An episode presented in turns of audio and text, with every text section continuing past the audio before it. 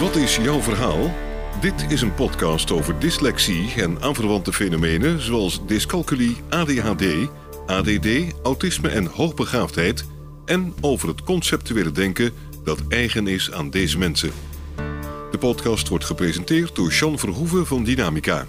Zij is coach en trainer voor volwassenen met dyslexie en aanverwante fenomenen.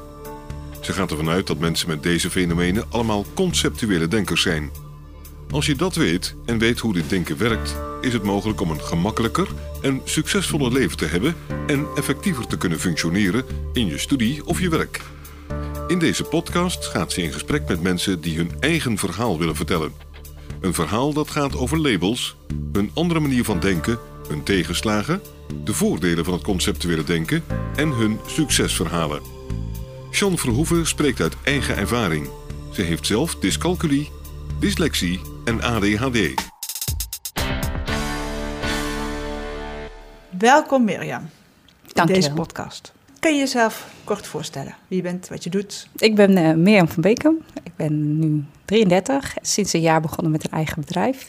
In het coachen en begeleiden van jongeren, kinderen met dyslexie.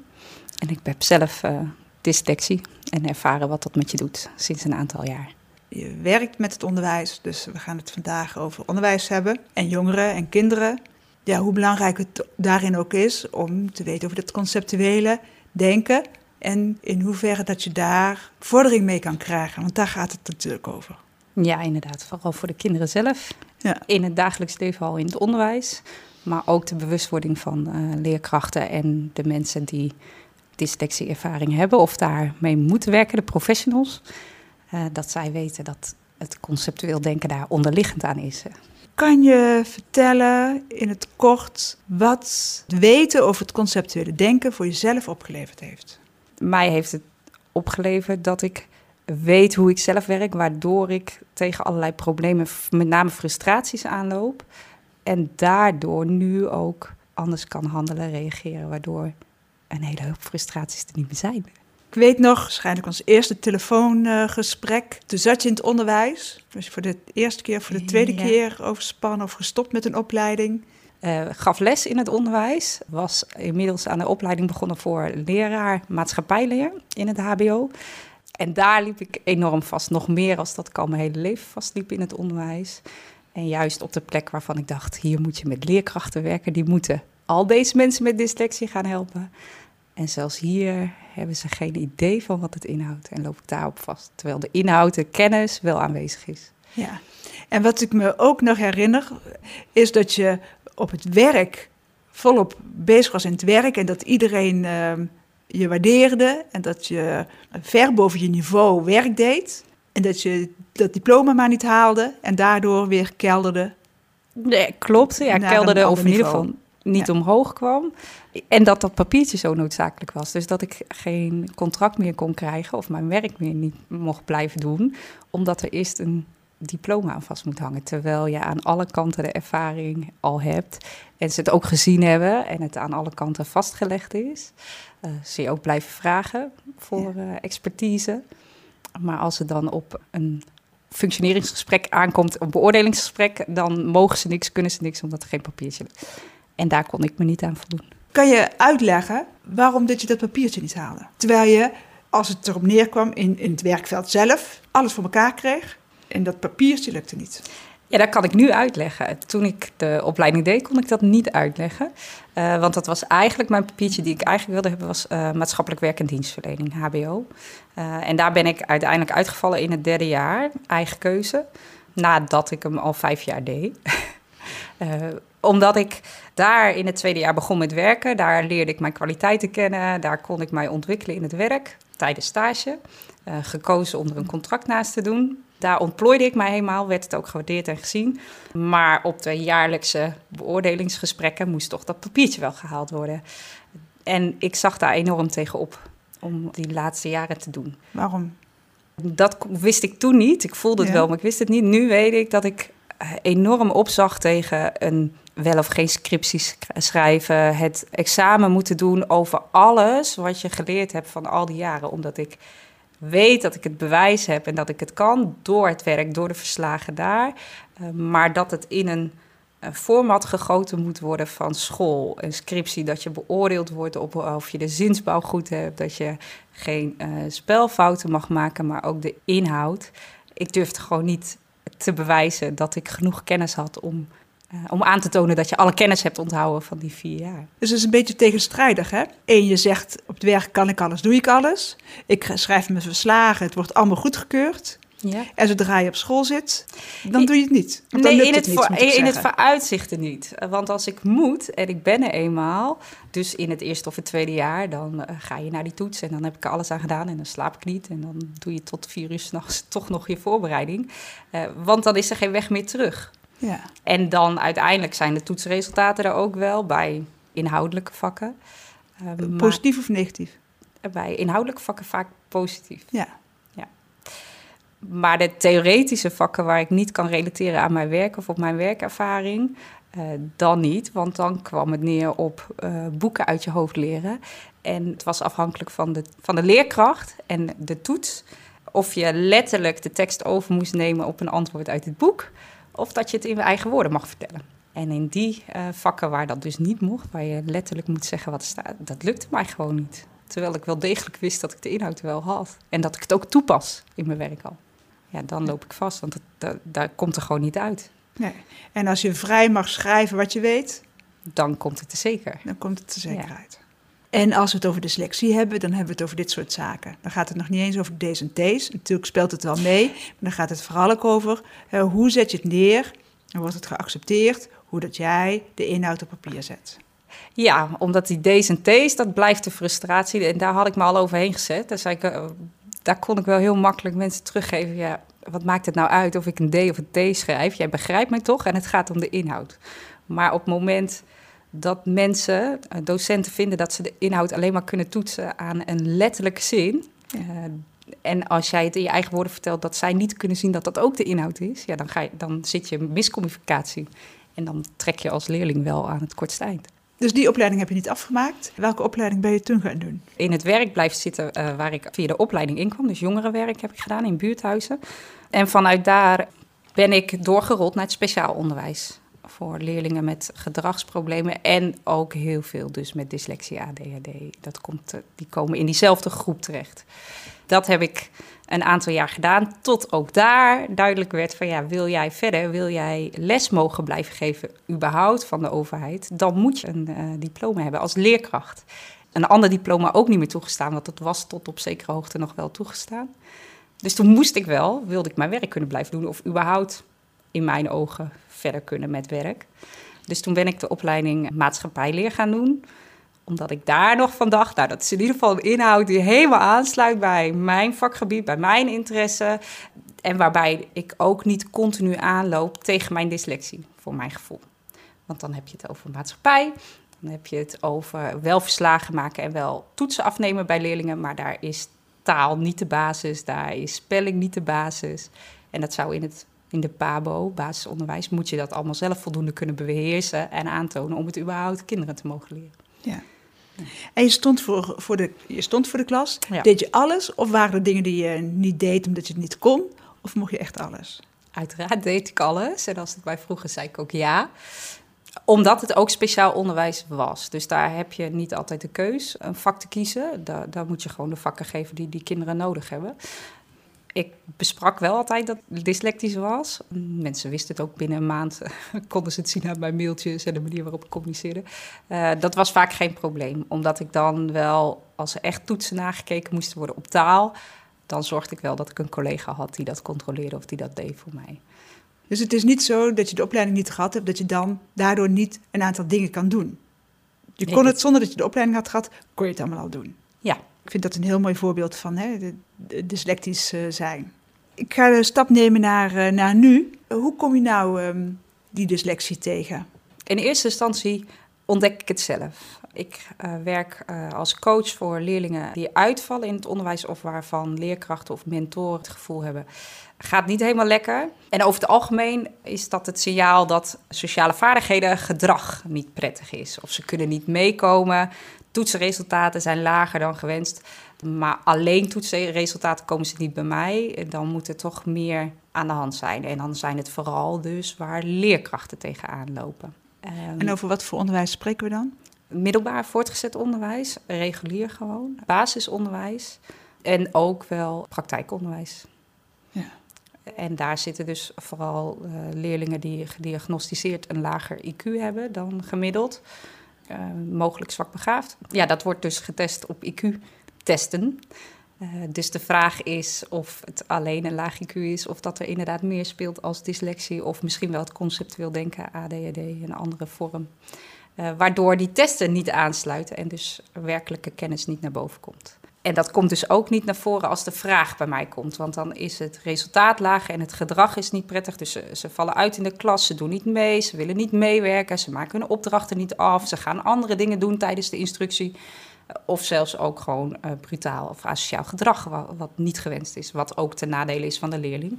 En als ik daarna ga kijken en ik ga de casus bekijken en ik ga met de leerling aan de slag, dan kan ik wel heel snel zien of daar mogelijk sprake is van dyslexie of ADHD dyscalculie, of dat er alleen op ontwikkeling sociale vaardigheden mogelijk wat strubbelingen zitten. Ja. En hoe zie je dat dan? Meeste door lesobservaties. De eerste les uh, maakt niet uit welk vak gegeven wordt. Kun je zien of een leerling totaal niet weet waar het over gaat, of dat er eigenlijk een soort van miscommunicatie ontstaat tussen de leerkracht en de leerling. Uh, doordat uh, de leerkracht alleen maar terugvraagt wat hij letterlijk gezegd heeft. En een leerling dat dus in zijn eigen woorden probeert te doen. Dus is niet het antwoord wat gewenst is. Maar ook dat een leerling andere onderwerpen erbij. Dus het conceptueel denken die is al zes stappen vooruit. Vergeleken bij waar de leerkracht naartoe wil. Dus die noemt allerlei associaties en dingen die hij meegemaakt heeft. Of waar die, wat hij wel weet, wat met het onderwijs te maken heeft. Wat eigenlijk allemaal goed is. Maar de leerkracht is alleen nog maar bezig met dat ene nieuwe woord of met dat ene onderwerp. Dus uh, daar kan de leerkracht het tempo van de leerling niet volgen. Dat toont een mogelijke dyslexie aan of conceptueel denken. En dan heb je ook nog het stukje dat je, als je echt op de inhoud ingaat, zeg maar het verschil tussen lijndenken en beelddenken. En dat ons onderwijssysteem en de leerkrachten waar het dus het eerste misgaat, op lijndenken zitten. Dus we beginnen bij stap A en dan gaan we naar B en dan naar C. En een leerling van uh, met beelddenken conceptueel denken, die is waarschijnlijk al bij stap C. Dus die vindt stap A en B helemaal niet nuttig. Dus die gaat ander gedrag vertonen, gaat niet meedoen of heel opdringerig wil die alvast laten zien dat die C al wel weet. Je, je zei net, bij stap 1 en stap 2 vinden ze niet interessant en dan gaan ze ander gedrag vertonen. Doen ze dat nou expres?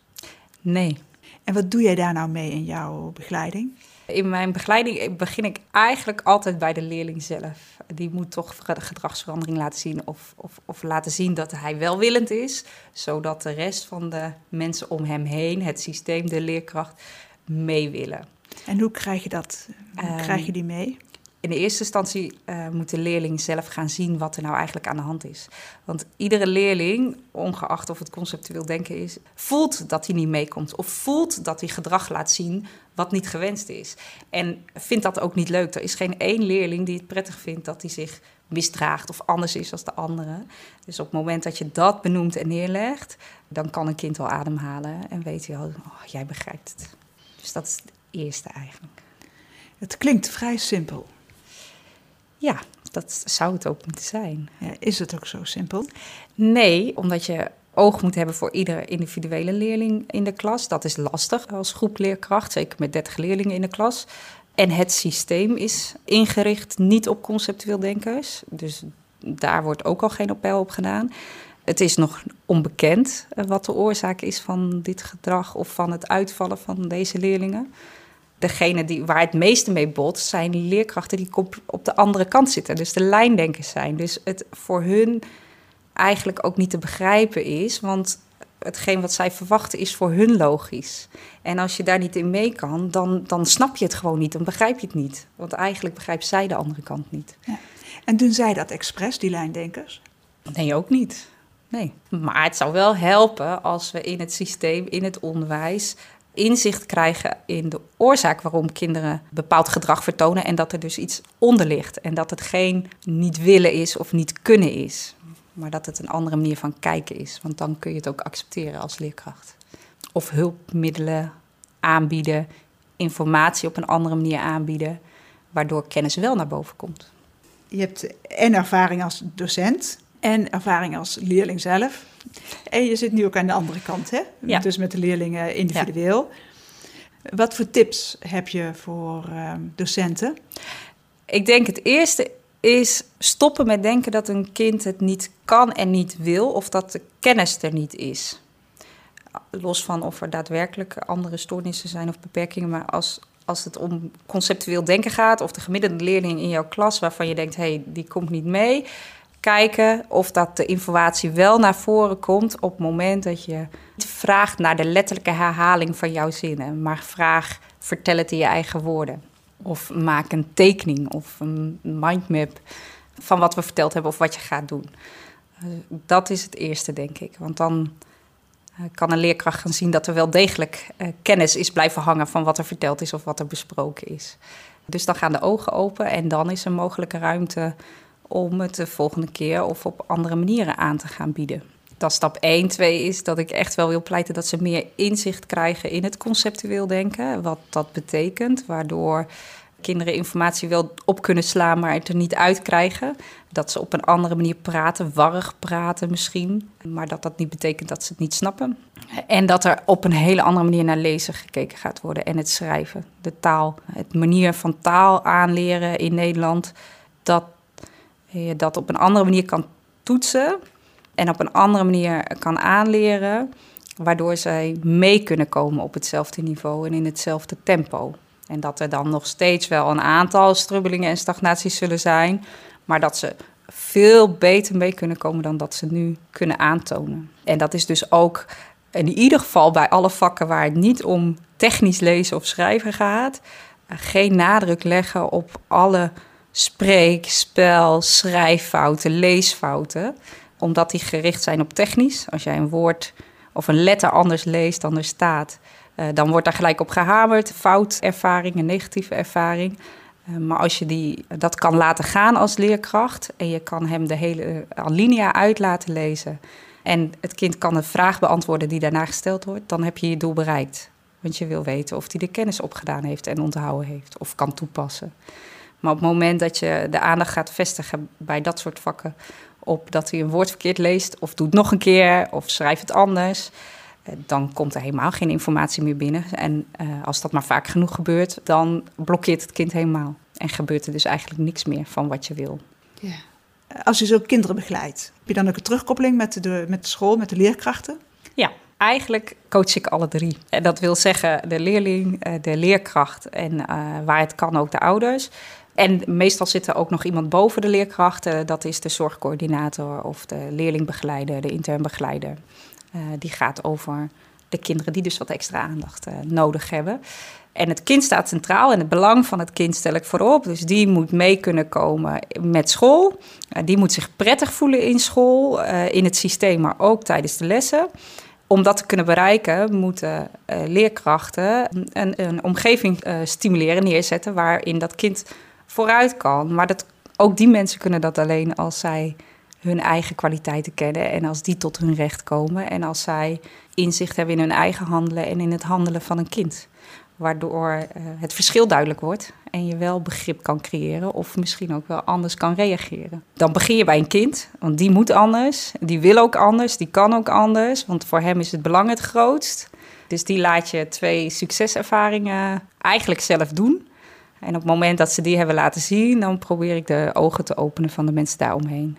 En wat zet je concreet in om die ogen te openen? Nou ja, ik merk bij dyslexie, als het echt daarom gaat, of als ik vermoed dat het daarom gaat, faalangst naar beneden en de ontspannenheid van het kind aantonen. Dus ik ga uh, het kind een aantal technieken aanleren, oefenen, waarmee hij zich prettiger kan voelen, ontspannender is.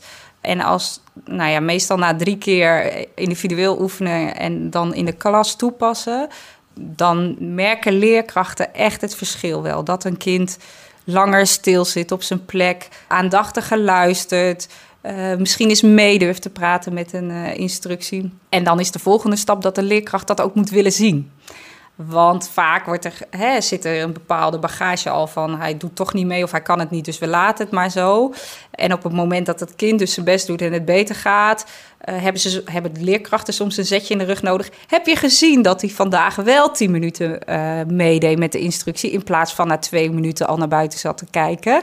Of heb je gezien dat de leerling vandaag uh, de hele dag in de les aanwezig was? Weliswaar af en toe nog druk of storend, maar hij is de klas niet uit geweest vandaag. Dus dat zijn hele kleine stapjes die alleen eigenlijk nog maar op fysiek gedrag betrekking hebben... maar die leerkrachten vaak niet zien. Of als normaal worden gezien. Want ieder kind moet dat toch kunnen en doen. Dus dan wordt het niet meer als een succes gezien. Maar dat heb je wel nodig om allebei vooruit te kunnen.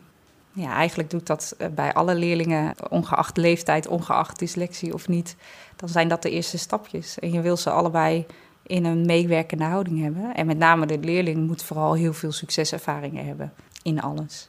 Kan een docent nou faalangst herkennen bij kind op de basisschool, kind op de middelbare school? Heel simpel al, vermijdend gedrag is het eerste. Dus op het moment dat een kind bij het voorlezen of het lezen of het maken van leeswerk allerlei andere dingen gaat doen in plaats van lezen.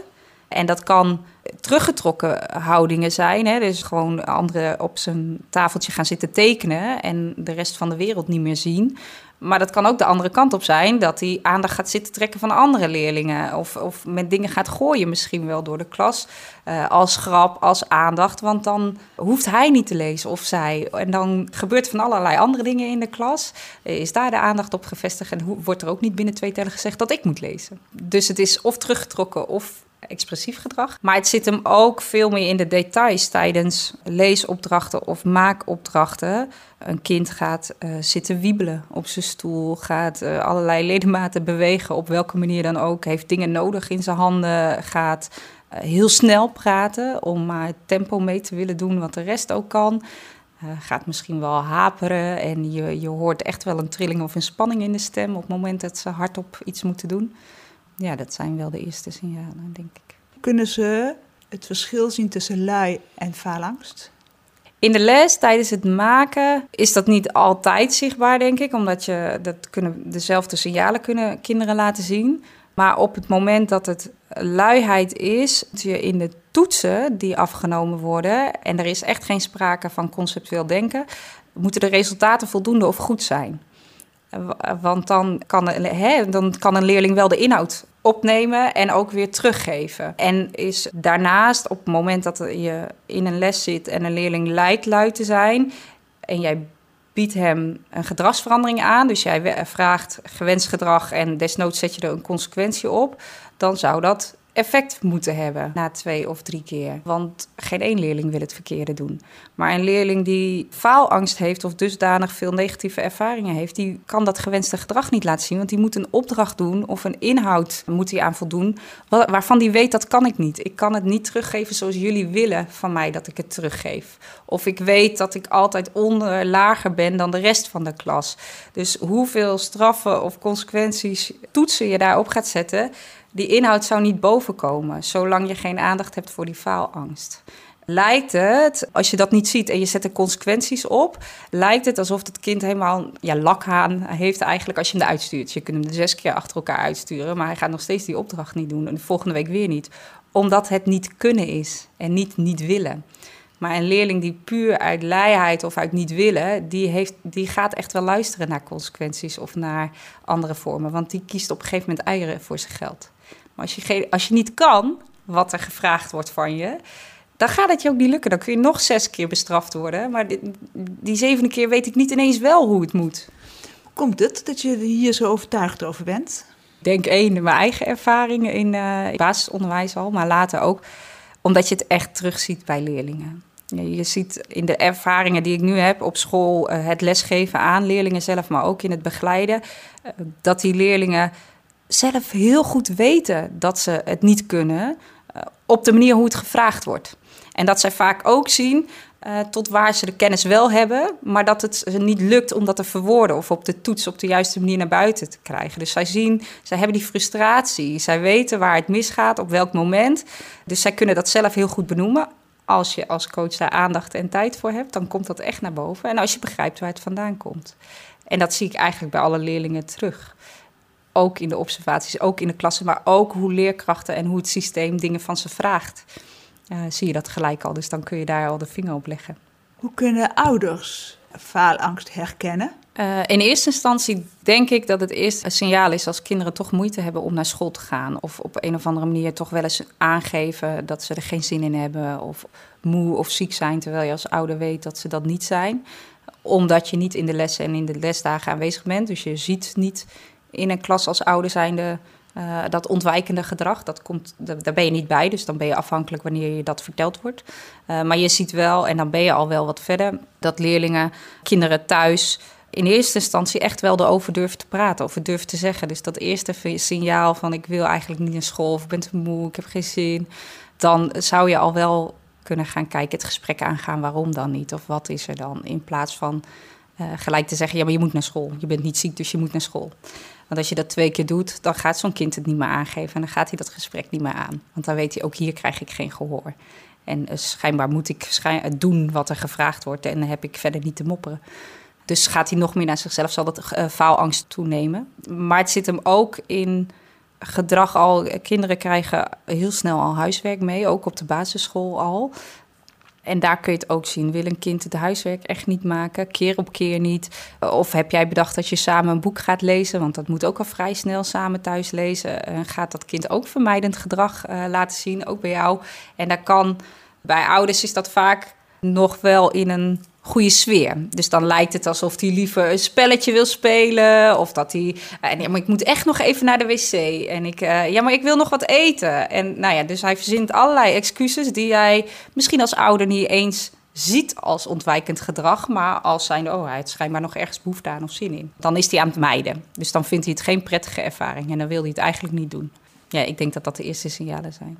Ik uh, vraag me wel eens af, mogen we nou hardop zeggen dat elk kind wat niet wil lezen, niet wil schrijven, niet naar school wil, dat dat over faalangst gaat, over niet weten hoe iets moet, dan over laaiheid of desinteresse of uh, gewoon een naagkind? Uh, het is een gewaagde uitspraak, maar ik denk wel dat het waar is. Aan ervaring, aan de kinderen die ik zie of spreek of, of via via, dan heeft dat echt wel de onderliggende oorzaak.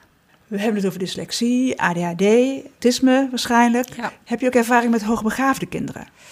Ja, wel minder. Hm. Omdat ik, sowieso wordt dat nog bijna niet gediagnosticeerd. Zeker de jaren dat ik les gaf, waren er maar heel weinig uh, kinderen die die diagnose hadden. Ook in het speciaal onderwijs niet.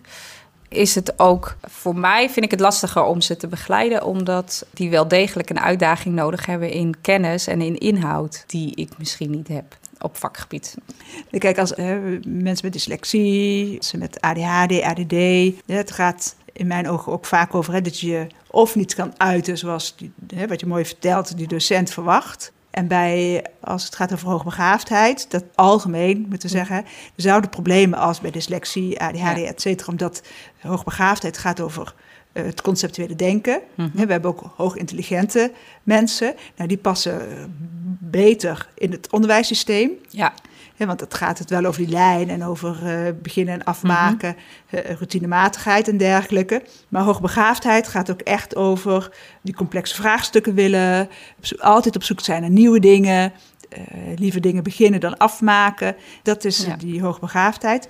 En bij hoogbegaafdheid zit nog meer de verveling. Hè, ja. binnen het onderwijs. Want als ja. een docent of op school, uh, wat het lastige is aan dit onderwijssysteem, is dat er heel veel herhaald wordt. Ja. En ons conceptueel brein is nogal snel verveeld als dingen herhaald worden. En dan is het drie keer herhaald in de klas en dan moet je het ook nog eens in die toets. Uh, ja, weer eens drie deeltoetsen waar je het moet zetten en dan nog een keer een grote toets, wat precies hetzelfde gevraagd wordt. Ik, ik bagatelliseer het hopelijk niet te veel. Nou, en dan speelt die verveling heel snel. Ja. Bij hoogbegaafdheid zie ik nog sneller die verveling. En ook als je het niet weet hoe het werkt als kind zelf, dan kan je daar ook niet in veranderen. Nee, en, en, kun je er ook geen uiting aan geven. Weet je ook niet wat er gebeurt of dat jij iets, dat het anders kan en dat je het wel goed doet. Ja, uh, want je, je, krijgt het gevoel dat je het niet kan en niet goed doet. En dat, ja. dat je schijnbaar niet capabel bent tot iets. Terwijl je eigenlijk ook ergens wel weet dat je het allemaal begrijpt wat ze vragen. Dus waar, waar gaat het dan mis? Wat doe ik dan verkeerd? Is het? En dat is, ik denk inderdaad bij een hoogbegaafdheid nog meer, juist omdat je weet dat je de inhoud al lang uh, tot je genomen hebt en al lang kan toepassen. Maar je moet er nog zes keer mee bezig zijn. Dus dan is vermijdend gedrag niet alleen faalangst of spanning, maar dan is vermijdend gedrag ook echt verveling. Ja, valt ook niet meer te boeien. Kun je ook van alles nog aanleren of aanbieden. Maar dat gaat hij niet doen, want dat is allemaal nutteloos. En uh, ziek, uh, het nut heb ik geen zin in, begrijp ik al. En zeker op momenten dat ik kinderen zie, want dyslexie wordt pas gediagnosticeerd in groep 5, 6 eigenlijk, beginnen ze daar pas mee. Dus dan hebben ze al jaren van frustratie en uh, tegen van alles aanlopen erop zitten.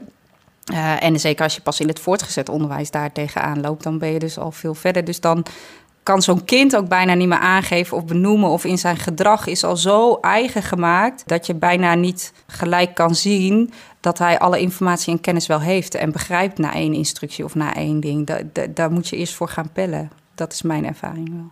Kan je nog wat vertellen over um, hoe je te werk gaat? Vanuit uh, dyslexie over het algemeen dan komt de vraag komt eigenlijk altijd binnen op, op gedrag of uitvallen. Uh, en zeker binnen de plekken waar ik nu al bekend ben. Dus de reguliere aanpakken helpt niet. We hebben al hulp aangevraagd, maar uh, we, willen, we weten niet of we deze leerling wel binnen het onderwijs kunnen houden waar wij hem nu hebben. Uh, wat kun jij nog doen? Ga ik gewoon aan het werk. Ik ga in gesprek met de leerling. Ik lees geen dossier. Ik ga niet kijken wat er allemaal al gezegd en geschreven is. Ik ga kennis maken met een leerling. Zorgen dat zij inzicht krijgen in hun eigen uh, handelen. Maar vooral eerst begrip krijgen voor, voor dat ik wel zie wat er allemaal gebeurt en uh, hoe zij het voelen. En vervolgens ga ik eigenlijk altijd observeren in de klas. En daar is ruimte toe, omdat het van bovenaf toegezegd wordt. Dus dat mag. Leerkrachten zijn terughoudend daarin, want dan kom je controleren. En wat ga je dan observeren? Ga je de leerkracht bekijken, beoordelen of, uh, of, of ga je naar het gedrag van het kind kijken? En wat krijg ik daar dan van terug?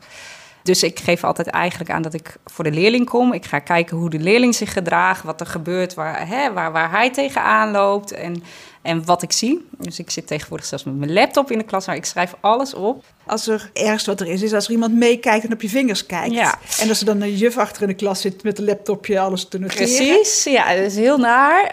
Uh, dus probeer ik niet zichtbaar te maken of niet van tevoren kenbaar aan de groep. In ieder geval niet uh, voor wie ik kom. En ik zit ook eigenlijk niet naast degene wie ik ga observeren of uh, ik doe totaal niet mee in de les, in de groep. Vermijd ook echt dat ik dan al ga coachen of ga zeggen wat, uh, wat er wel of niet goed gaat. Of dat ik de leerling ga aanspreken op gedrag. Eigenlijk ga je een bandje creëren, want ik ben er wel. Dus ik maak wel fysiek contact, zeg maar, door ogen of door gebaren. Of, en bij allebei positieve.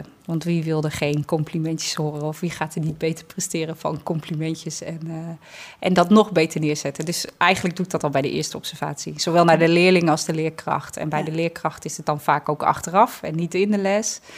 Uh, maar de leerling kun je, omdat je in de eerste observatie al wel ziet uh, dat het conceptueel denken is en dat, uh, dat hij een vraag stelt die goed is, maar die niet begrepen wordt, dat er miscommunicatie is, dan kun je door een knipoog of door een duim al wel aangeven, was wel goed, maar ze snapt het even niet of komt op een ander moment wel.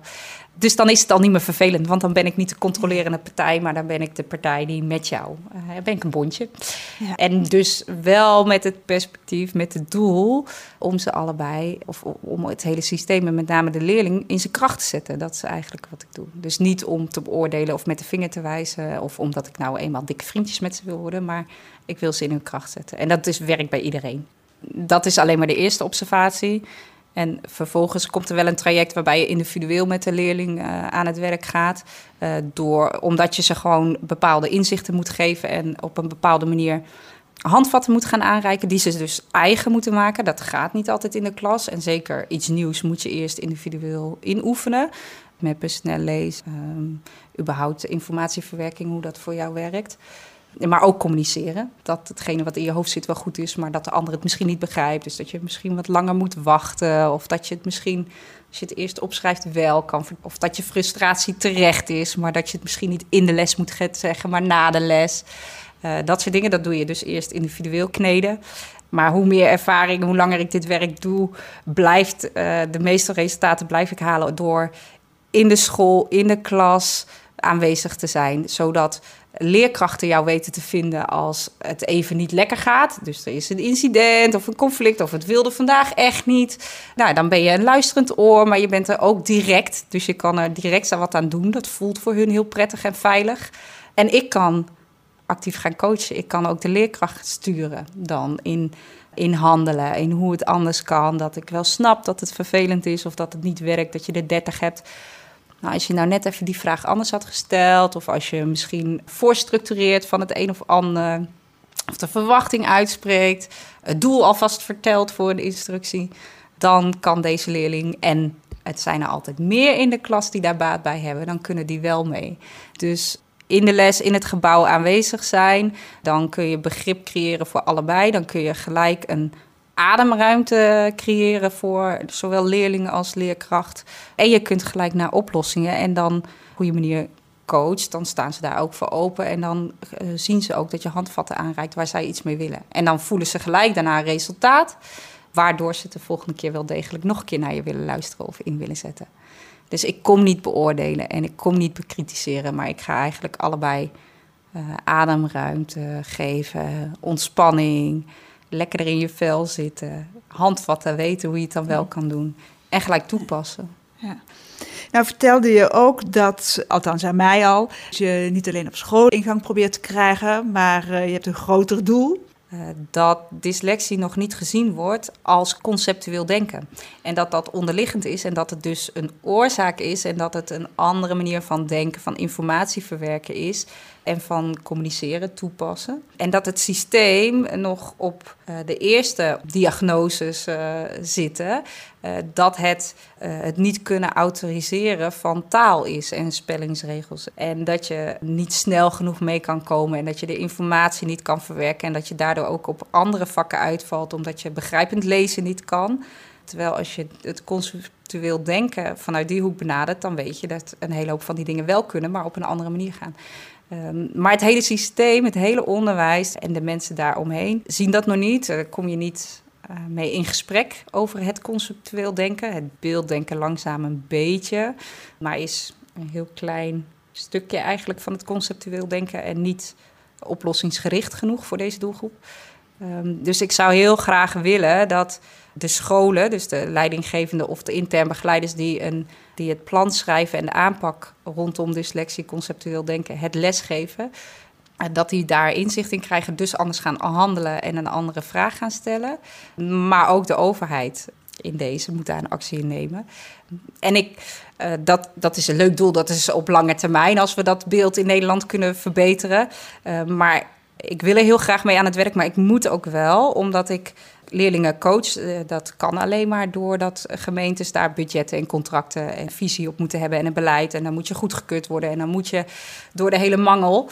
En eigenlijk zeggen de gemeenten, ja, maar dat kan alleen als je psycholoog bent en EED, enkelvoudige ernstige dyslexie, keurmerk hebt, dat jij daar begeleiding in mag geven. En dat hebben wij uh, natuurlijk wel, maar niet volgens de standaardrichtlijnen. Dus daar kom je niet doorheen. En dat zou betekenen dat ik al deze kinderen niet kan helpen, maar daar neem ik geen genoegen mee.